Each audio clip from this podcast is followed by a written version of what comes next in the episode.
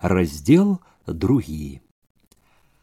Позднім завейным вечарам, апошнім вечарам 29 -го года вяртаўся апейка з раёна дадому. Ветер, што ні на момант не ўціхаў, налятаў то збоку, то спераду, збоку і спераду гнаў снег, кідаў яго на коней, на вазок, у твар ігнату, у твар апейку. Клубы абодвух коней былі белыя, у васку было поўна снегу, снег лажыўся на грудзі, на плечы паліто, біўся ў вочы, Коні то беглі, паслізваючыся па голым шляху, то грузлі, важка лезлі ў сумётах, якія ўжо часта перагароджвалі шлях. У посвісці ветру амаль няўціхна было чуваць цягучае, неспакойнае гудзенне правадоў. Было цёмна. Ад завеі не было відаць агнёў нават недалёкіх вёсак, ды і блізкія слупы ішлі ў цемры ледзь прыкметнымі мутнымі знакамі. Відаць былі адно рухлівы перадок васка, конскія клубы ў мерным пакалыхванні, ды хвасты, якія матляліся ад бегу і ветру. Апейка чуў, што ногі мерзнуць, засоўваў іх у сену, утульваў ад ветру і снегу твар у каўнер. Як праз дрымоту адзначаў лёгкі лёд з посвістам па санных каляінах, важкі скрып па голых прагалінах, павольны, мягкі рух у сумётах. Ён драмаў, Драмота была такая, што відовішчы сну, ява, трызненне, думкі мяшаліся, зблытваліся так, што і сам не дабраў бы ладу. Ён амаль не спаў некалькі начэй, і як толькі рушылі сяла адразу нібы з надмернай ношай уваліўся ў сон. Але сцюжны ветер неўзабаве, хоць і не дарэшты, разварушыў сон.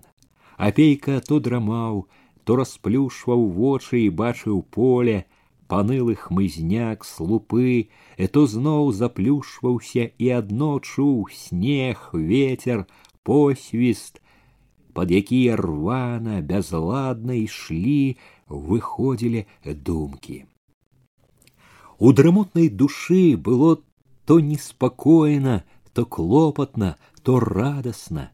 У хвіліны яснасці ён некалькі разоў лез рукой под паліто, нахаладалымі непаслухмянымі пальцамі, даставаў вялікі нязвычна коўскі кішанёвы гадзіннік, падносіў да самых вачэй, узіраўся ці не позна. Ён выехаў пазнавата. Нельга было раней, ды да і спадзяваўся, што дарога будзе лягчэйшая а гэта завея запыняла, і ён баяўся, што не ўправіцца. У цемры лічбаў на гадзінніку амаль не было відаць. Ён хутчэй здагадваўся, чым бачыў колькі часу. Позіркі гэтыя на гадзіннік іншы раз былі ад таго, што сядзець нязрушна станавілася сумна, што таміў нейкі цьмяны, няпэўны, як змрок навокал неспакой. У галаву лезлі малюнкі і галасы гэтых пяці неспакойных, амаль бяссонных сутак, амаль няспынных сходаў, гаворак, пераконванняў, спрэчак. Яму раптам у дрымоте так ясна бачыўся які-небудзь твар, чуўся які-небудзь голас, што ўсё гэта як бы нанова станавілася яваю. Ён зноў як бы урываўся ў гоман, у галас, гаварыў тое, што не знайшоў тады, як трэба было, што трывожыла і цяпер. Як заўсёды ў гэтыя хвіліны хвалюючы, гарачачы набягалі раптам вельмі ўдалыя доказы трапныя адказы і ў дрымоце яго таміла адчуванне незавершанасці неразвязанасці тых гаворак спрэчак імкненне адолець даказаць пераканаць іх у сваёй у цяжкай іхняму разуменню праўдзе ён ішоў прабіваўся даказваў думкамі яшчэ як бы прадаўжаў тое чым жыў усе дні і ночы ён мог бы быць давольны недарэмна ночы не спаў расцінаўся аж у галаве гуло аж ахрып за пяцёра сутак яшчэ амаль пятьдесят чалавек сталі калгаснікамі дакладна сорок семь але амаль заўсёды цвярозая яснасць хмарыла ўцеху нярадаснай ужо звыклай рэальнасцю тое што ён зрабіў як кропля ў моры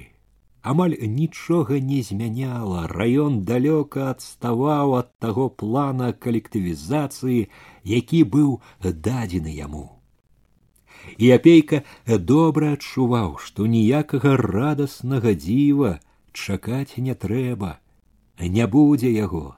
Значыцца, раёну і далей давядзецца адставаць з усімі непрыемнымі дадаткамі для яго кіраўнікоў. Яго душу трывожыла, і гэта было, можа, самае даўкае памяць пра нядобрыя настроі, якія ён заўважаў і раней, але ў гэты прыезд адчуў і пабачыў асабліва моцна. Тое, што ён прыкмячаў яшчэ ў восень усё расло і шырылася, гразілася ўсяму раёну, ды можа не толькі раёну. А яны станавіліся ўсё большай перашкодай на дарозе, няўпэўненасць людзей у заўтрашнім, недавер'е да таго, што нёс ён апейка і іншыя упаўнаважаныя. Нецярплівы націск несправядлівыя і грубыя меры, якія з часам не толькі не знікалі, а большалі, нібы падмацоўвалі закарэлае векавое мужыцкае недавер'е ў тое, што збоку могуць прыйсці з добрым, зрабіць добрае. Няпэўнае ў заўтрашнім у кожным сяле рэзалі з нязвыклай для сялянскай ашчаднасці лёгкасцю губілі нажытае авечак цялят кароў апейка ні з адным загаворваў пра гэта ні на адным сходзе пераконваў патрабаваў і бачыў што нішто не дае толку трэба неадкладна нейкія строгія меры, падумаў заклапочана і расплюшчыў вочы. За завею, за рухомай аднастайнасцю прысад разабраў некалькі кустоў вышэй поля. Курган здагадаўся апейка. Самога кургана не было відаць. Выбелены снегам зліваўся з навакольнай шэранню скоро уже дома дацягліся ён палез быў па гадзінні каля думаўся усё роўна ўжо спазніўся ці не спазніўся ён як бы ўбачыў жонку сына дачку уявіў як услухоўваюцца ці не пад'ехаў вазок ці не рыпнулі веснічкі нецярпліва варухнуўся скінуў снег з паліто выпрастаўся Чым вышэй узбягалі коні па ўздыме дарогі, тым мацнеў ветер, што вольна і шырока рушыў за прыпяці насустрач. Дарога пайшла тут цвёрдая, без сумётаў, падмеценая, вылезаная ветрам. Ці ад таго, што і ігнат як бы ажыў, ці ад таго, што коні самі пажвавелі, пачулі блізка дом, вазок па ўздыме памчаў лягчэй лётам. Бліснуў, здалося весела агеншык, і вось ужо блізка відаць сталі і само акно, і цёмны абрыс хаты, адной другой уехалі ў юравічы у верхнюю вуліцу. На спуску зноў распораз дарогу пераймалі сумёты, але тут гэта нават памагала, ямчэй было спускацца з кручы. У прарэзе між гор зажаўцела ўжо некалькі блізкіх ніжніх агеншчыкаў, усяго мястэчка не было відаць, засцілала завея. Жаўцеў агеншчык і ў выканкоме. Апейка затрымаў ігната, узбег па зледзянелым стрэскам ганку на другі паверх. Павітаўшы, павіншаваўшы з новым годам санлівага дзяжурнага, які адказаў узрадавана голасна, убег у свой пакой, хапаючыся запаліў лямпу. На стале было некалькі лістоў папер. Паперка са зводкай аб стане калектывізацыі ў раёне ён паглядзеў 29 і сем десятых процента. Пісана рукою зубрыча, унізе яго ж акуратны сціплы подпіс. Лісты, паперы, адносіны з мазыра, на папяроснай паперы пад капіроўку хутка прагледзеў одну другую, разорваў конверт, дастаў пісьмо. Чытаючы, схамянуўся, адкінуў крысо паліто, дастаў гадзіннік, яшчэ не позна, можна ўправіцца. Сабраў паперы, лісты ў папку, узяў тэлефонную трубку, крутнуў ручку, а райкомаўскі дзяжурны адазваўся адразу. Башлыкова яшчэ не было, не вярнуўся. Ужо сабраўшыся ісці, апейка кінуў позіркам на стуз газет, складзеных у скрай стола, заўважыў адразу на верхняй і Сталін да пытанняў аграрнай палітыкі ў ССР. Забраў увесь стуз пад паху, хукнуў у лямпу і рынуў подбег назад, ледзь сеў у вазок ігнат, шмаргануў коней, даляцелі дамоў у момант. Прывяжы пакуль, ды ў хату, здаецца, управіліся. Тут на мёрзлыя ступенькі таксама трашчалі под нагамі нецярпліва і радасна. Стукаць не трэба было, дзверы нібы самі адчыніліся. У цёмных сенцах абняў жонку, у хату увайшоў, абдымаючы за галаву сына. Володя папракнуў: каб трохі пачалі б без цябе. Усё-ткі ж управіліся. Стол быў засланы белым абрусам.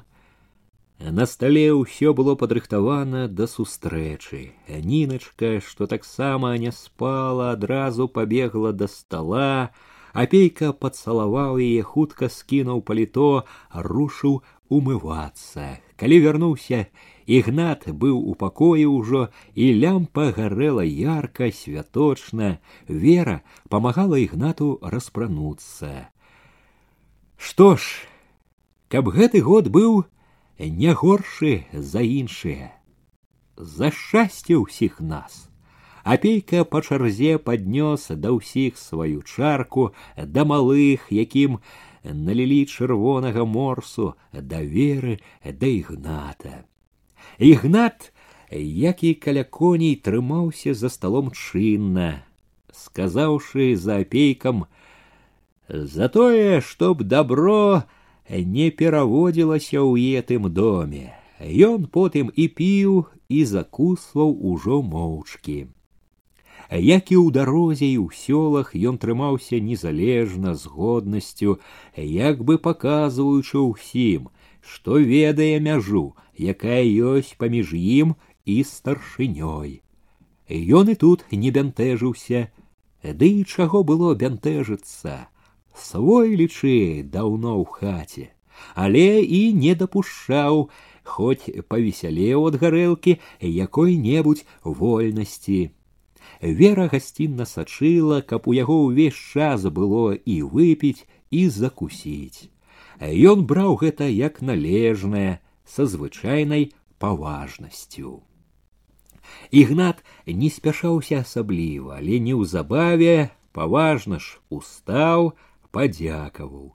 наверно запрашэнне пабыць яшчэ сказаў цвяроза не трэба і пра другіх не забываць апейка здагадаўся другие на той час коні апейка правёў яго на ганак хвіліну пастаяў под павевамі холоднага ветру весело пайшоў зноў у бесклапотны шчаслівы гоман і смех за столом вясёлай бясхмарнай была гэта ноч гэта сустрэча года які потым суджана было апейку ўспамінаць і з нязменным гонарам і не адзін год з болеснай крыўдай годам у які суджана было зазнаць і вялікія радасці і вялікія няшчасці тады ж у тую ноч усім ім за столом было вельмі весело дзеці дурэлі рагаталі смяяліся по маладому закахана тулілася вера молада хораша было і апейку весялосць прыціхла ненадоўга толькі тады калі паявілася жонка харчова стрымана і неяк вінавата загаварыла з новым годам вас суседзечкі нашы хай будзе добра ўсё і гаварыла і кланялася яна па вясковаму ва ўсім яна была вясковую жанчынаю жывучы даўно ў горадзе яна маруся амаль нічога не змяніла ў звычках нават крамныя кофта і спадніца пашытыя ў юравіцкай швейнай выглядалі на ёй па вясковаму Вера з радасцю пасадзіла яе за стол, э, наліла ў чарку, выпілі разам. На новы год неяк нядобра адной. У другія дні дак не так, а ў новы год э, дак проста сэрца смокча.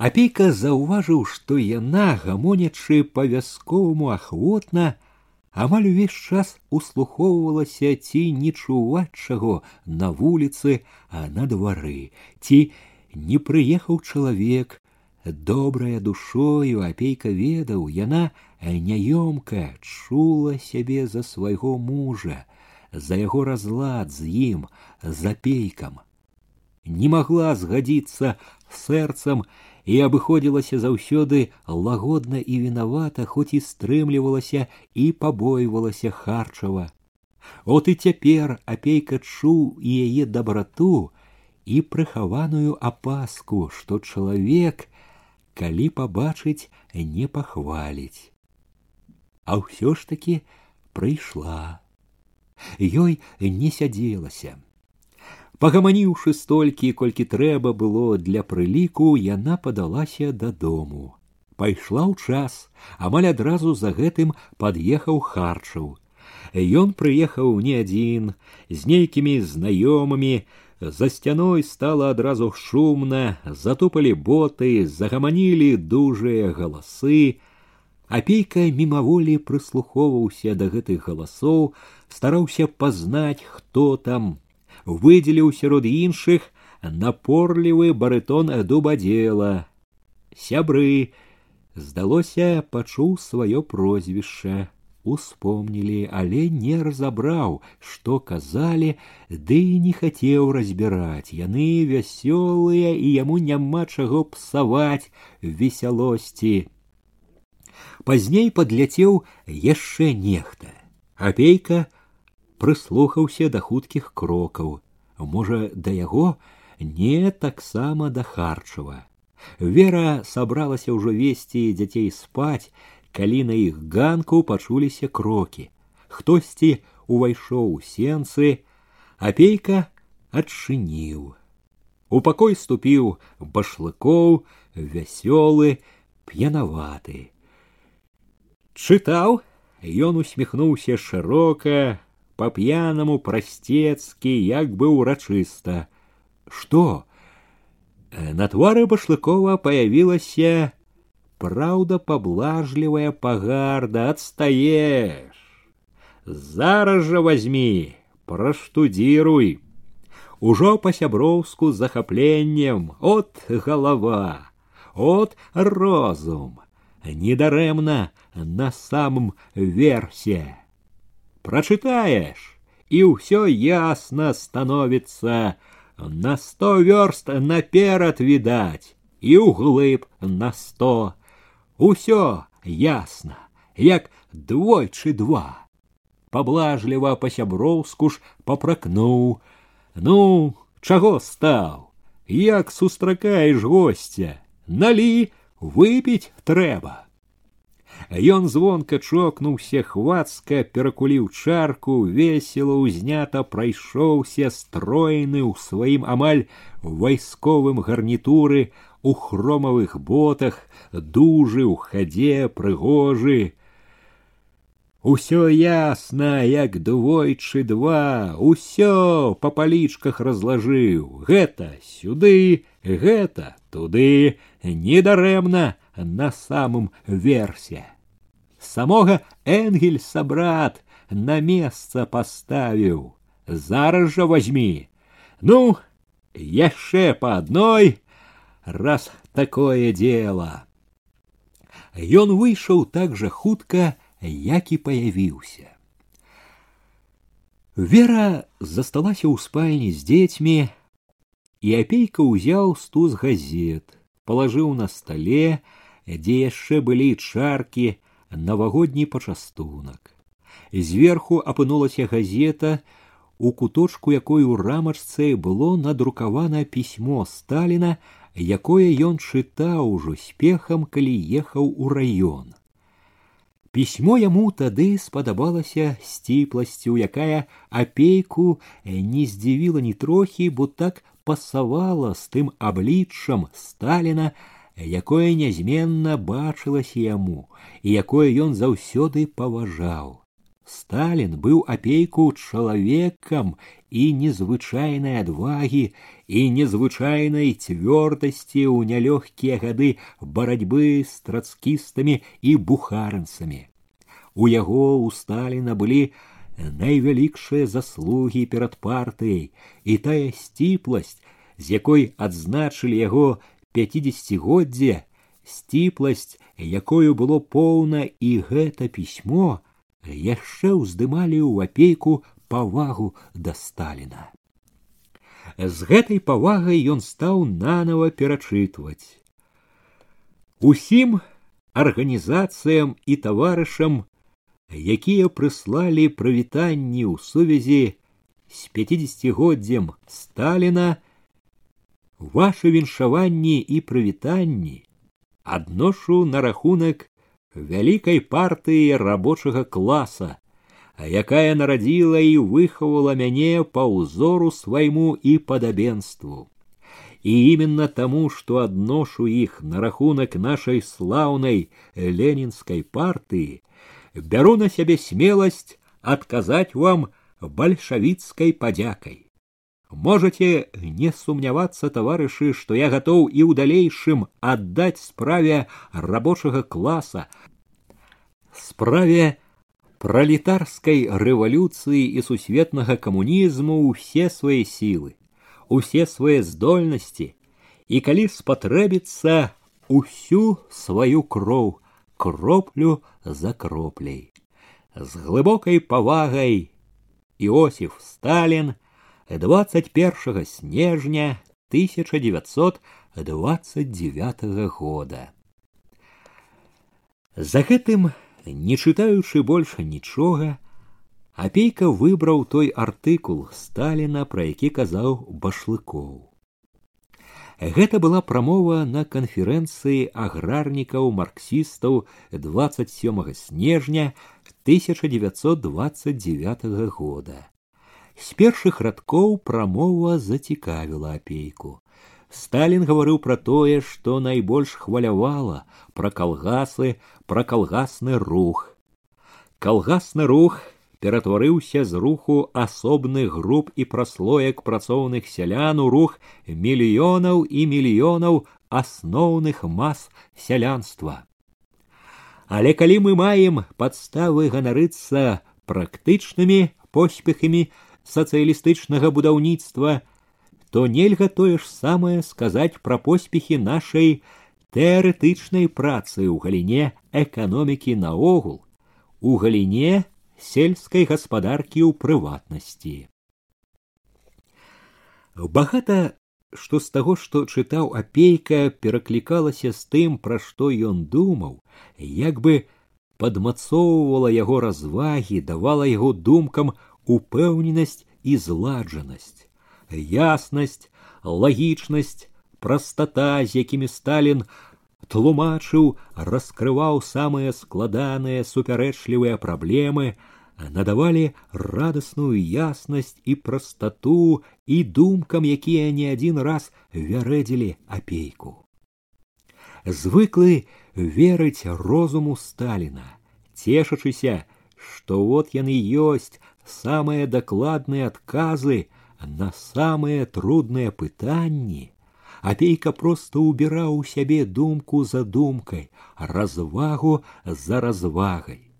Ён ахвотна згаджаўся з усімі доказамі цвёрдымі, абгрунтаванымі, якімі Сталін разбіваў адну за адной буржуазныя тэорыі ў сялянскім пытанні.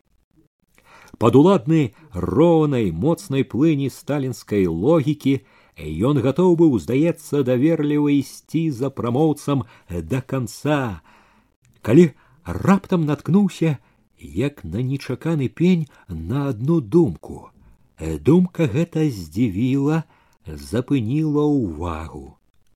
Ён яшчэ добра не цямячы, як бы не верачы, што не памыліўся, перачытаў неспадзяваны радок другі раз. Не, ён не памыліўся, так і было написано. У нас няма арабскай прывязанасці, селяніна да шматка зямлі, якая ёсць на захадзе. Няма, няма арабскай прывязанасці да зямлі. Сталін тлумачыў гэта тым, што ў нас няма прыватнай уласнасці на зямлю. Ён лічыў, што гэта акалічнасць не можа не аблегчыць пераходу сялян на рэйкі калгасаў.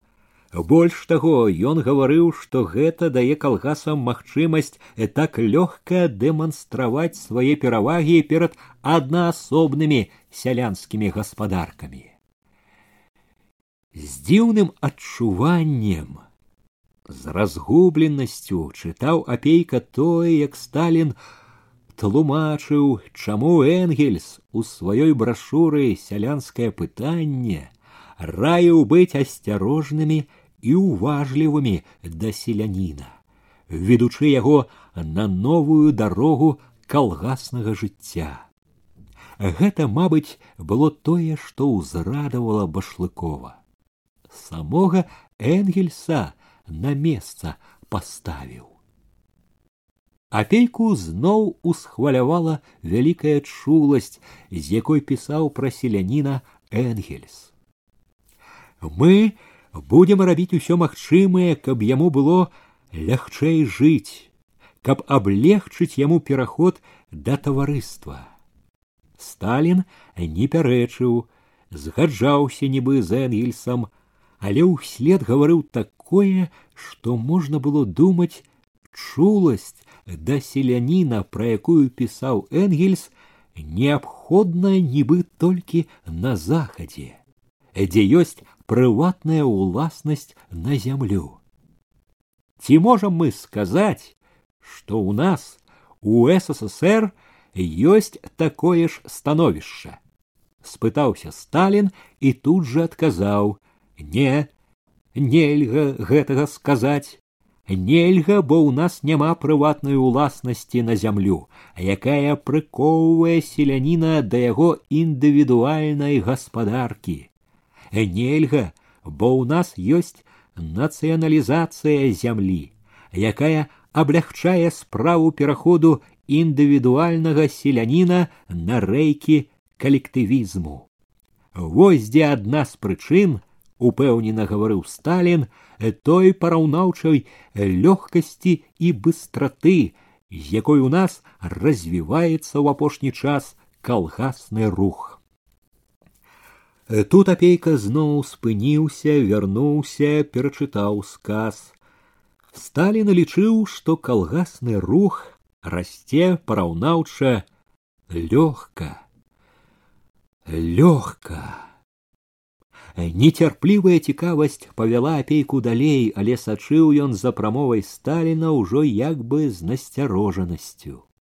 Згадзіўся, што і ў калгасах застануцца яшчэ элементы класавай барацьбы, што там могуць быць перажыткі індывідуалістычнай ці нават кулацкай псіхалогіі, некаторая няроўнасць у матэрыяльным становішчы, а раптам напаткаў ленінскую думку, душа ўзяла яе ахвотна ўзрадавана.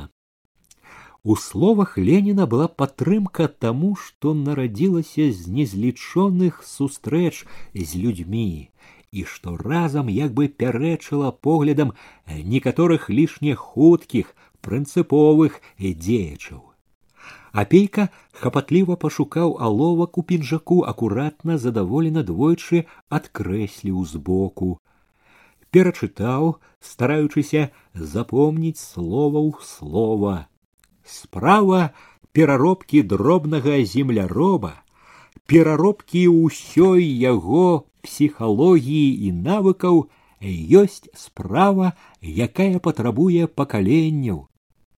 Пакаленняў паўтарыў ён думкаю, нібы гаворачы башлыкову. Башлыкова, мабыць, і найбольш усцешыў раздзел, дзе Сталін казаў, што партыя ад палітыкі абмежавання кулацтва перайшла да ліквідацыі яго як класа.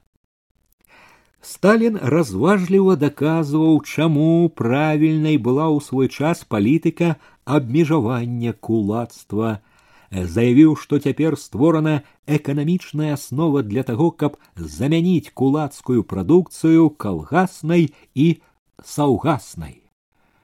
Ну а як быць з палітыкай раскулачвання лавіў апейка з вострай увагай, ці можна дапусціць раскулачванне ў раёнах суцэльнай калектывізацыі пытаюць з розных бакоў Сталін цвёрда адказваў смешнае пытанне раскулачвання нельга было дапускаць пакуль мы стаялі на пункце гледжання абмежавання эксплуататарскіх тэндэнцый кулацтва пакуль мы не мелі магчымасці перайсці ў рашучае наступленне супраць кулацтва пакуль у нас не было магчымасці замяніць кулацкую вытворчасць вытворчасцю калгасаў і саўгасаў.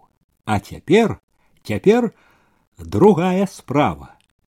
Цяпер мы маем магчымасць павесці рашучае наступленне на кулацтва, зламаць яго супраціўленне, ліквідаваць яго як клас і замяніць яго вытворчасць вытворчасцю калгасаў і саўгасаў як стрэмка ўпілося ў памяць. Першымі словамі адказу Сталіна было смешнае пытанне. Што ў гэтым было смешнае? Далей Сталін зноў амаль паўтарыў гэты выраз. Смешна і несур'ёзна гаварыць доўга цяпер пра раскулачванне. Зняўшы галаву па валасах не плачуць. Нешта гуллівае пачулася апейку ў гэтым новым смешна, не менш смешным. Гаварыў зноў Сталін, здаецца другое пытанне. Ці можна пусціць кулака ў калгас? Канешне, нельга яго пускаць у калгас, нельга, бо ён з'яўляецца заклятым ворагам калгаснага руху. Дачытаўшы апейка хвіліну сядзеў ціха. Потым закурыў пад шклом лямпы, стаў хадзіць па пакоі. Хмелю ў галаве не чулася, стомы як не было. Адну за адной успамінаў ён думкі з прамовы, цвёрдыя ўпэўненыя довады. Тое, што яшчэ нядаўна здавалася цьмяным і выклікала трудныя развагі, сумненні, стала раптам простым, ясным. Было такое адчуванне быццам пасля блуканняў і пошукаў у тумане выбраўся раптам на чыстае, дзе ўсё ляжала адкрытае вачам з палямі і лясамі, з дарогамі і сцежкамі. Чалавеку заўсёды хочацца прастаты, яснасці. Апейка ж у той вечар зусім не меў схільнасці такой, каб ацэньваць ці узважваць нешта, правяраць у прамове. Для яго гэта была найперш прамова кіраўніка партыі, тлумачэнне найбліжэйшай задачы ўсіх войск, у якіх ён апейка быў можа толькі аддзялённым камандзірам. Кім бы ён не быў, задача гэта датычылася яго, і ён перш за ўсё з клопатнасцю думаў пра тое, на што яна скіроўвала ўвагу, якую ставіла мэту, чаго патрабавала ад яго. Пры ўсім давер'і да Сталіна, разбіраючы са сваёй няўціхнай і уедлівай паляшуцкай уважлівасцю прамову, апейка хутка зноў запыніўся, задумаўся. Насуперак таму, што казаў Сталін, улезла сумненне, што калгасам так проста со сваімі сялянскімі конікамі ды дзядоўскімі плужкамі паказваць перавагі над аднаасобнымі гаспадаркамі. Варта толькі выходзіла з прамовы проста сысціся разам і з'явіцца цудадзейная сіла, можна і араць і сеять на ўздзію, паказваць цуды і з тымі конікамі ды плужкамі. Неяк лёгка здавалася, разворвалі так багата цаліны, названыя да прыкладу дамскія казакі, без машын, без трактароў. Ён закурыў, пастаяў каля акна, у святле за шыбай круціла снег, завіруха ўсё мяла, падумаў, замяце ўсе дарогі, чорт знае, як дабірацца будзеш. Самы час, каб дарога была, а яе замятае, як знарок. Ён згадаў загалле, апошні сход, няскончаны з-за гэтай віхурнай навагодняй ночы, адчуў імкненне ехаць назад, давесці справу да ладу. Стары год сышоў, а клопаты не сыходзілі. Без мяжы, без якога-небудзь прыпынку пераходзілі ў новы. Амаль адразу шапейка цвяроза падумаў, што пры ўсім гэтым новы год будзе не зусім працягам старога. Тая ж дарога але ўздым другі.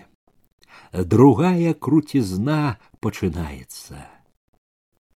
Мяло кідала снегам у шыбу, у галаву раптам зноў увайшло здзіўленне, лёгка, параўнаўча лёгка і быстро. Ён падумаў пра свае амаль няспынныя паездкі па сёлах, пра незлічоныя, бясконцыя зацятыя сходы падумаў пра тую упартую нязгоду якая была ў глінішчах калі спрабавалі зноў зладзіць калгас параўнаўча лёгка чаму параўнаўча лёгка Думка адразу подказала. Лёгка ў другіх месцах, але цвярозая разважнасць запярэчыла. Законы сялянскай псіхалогіі адны ўсюды. У нас няма рабскай прывязанасці да шматка зямлі. Успомніліся яму словы Сталіна. На захадзе ёсць, а ў нас няма, бо ў нас няма прыватнай уласнасці на зямлю. У вельмі яснай галаве паявілася здзіўленне. Няма прывязанасці да зямлі, рабскай прывязанасці. Чаму няма? Не толькі прыдзірлівая разважнасць, душа запярэчыла. Ёсць, у тым і бяда, што ёсць. Фармальна, можа, няма, а фактычна ёсць.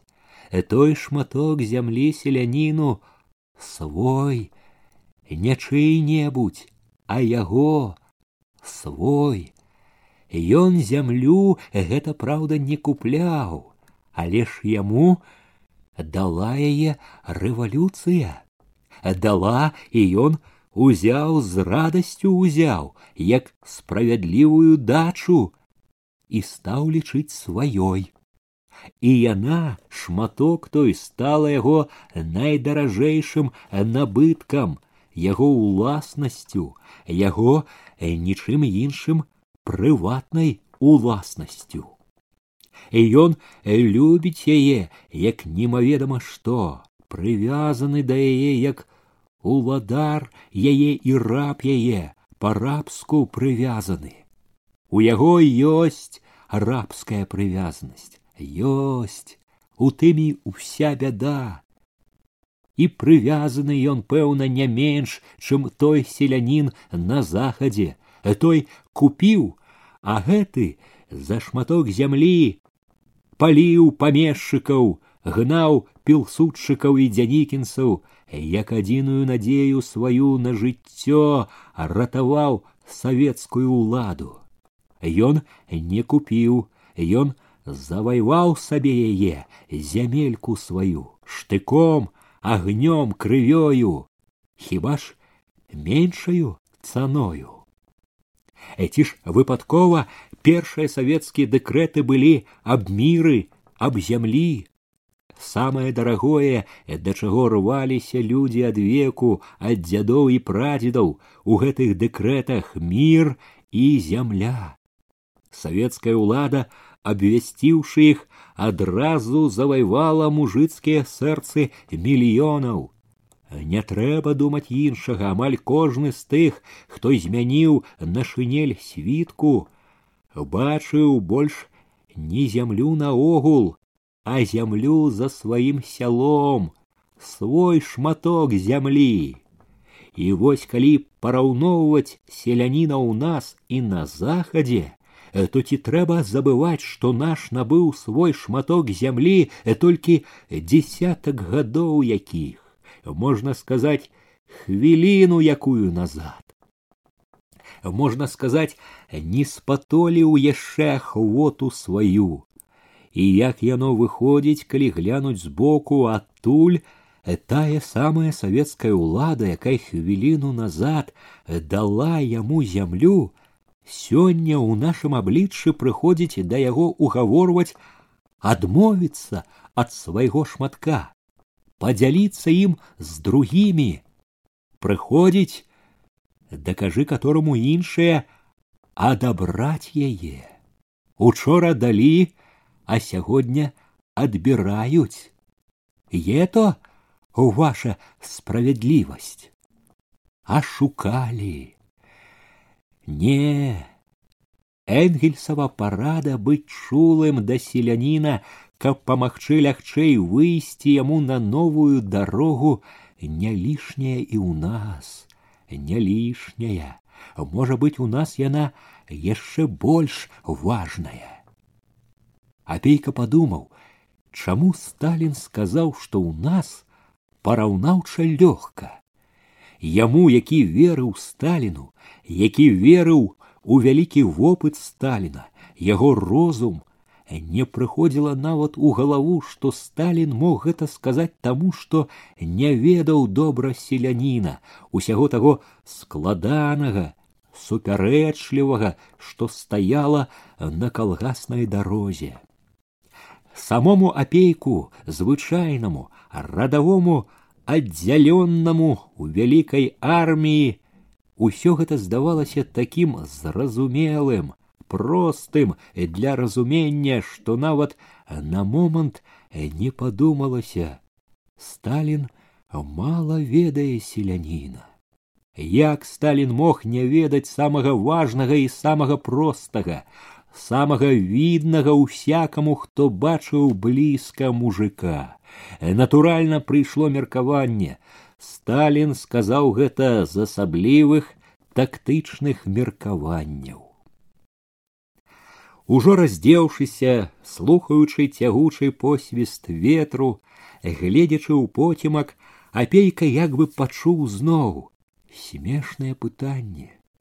Чаму смешнае, калі яно такое важнае, калі яно перад такою вялікай і цяжкай бітвай смешна і несур'ёзна зняўшы галаву па валасах не плачуць несур'ёзна як бы гучала ў яго галаве думкі блыталіся у галаве звінела ён чуў ужо неадольную стому што раптам навалілася на яго зрабіла яго бяссілым пабачыў зноў мяцельную ноч, сумётную дарогу, мернае пакалыхванне конскіх клубоў, пачуў маркотны гул правадоў, смешна і несур'ёзна прабілася яшчэ і каб адагнаць ён загадаў сабе спаць спаць нарэшце выспацца дарога бегла ўсё мякчэй, хутчэй.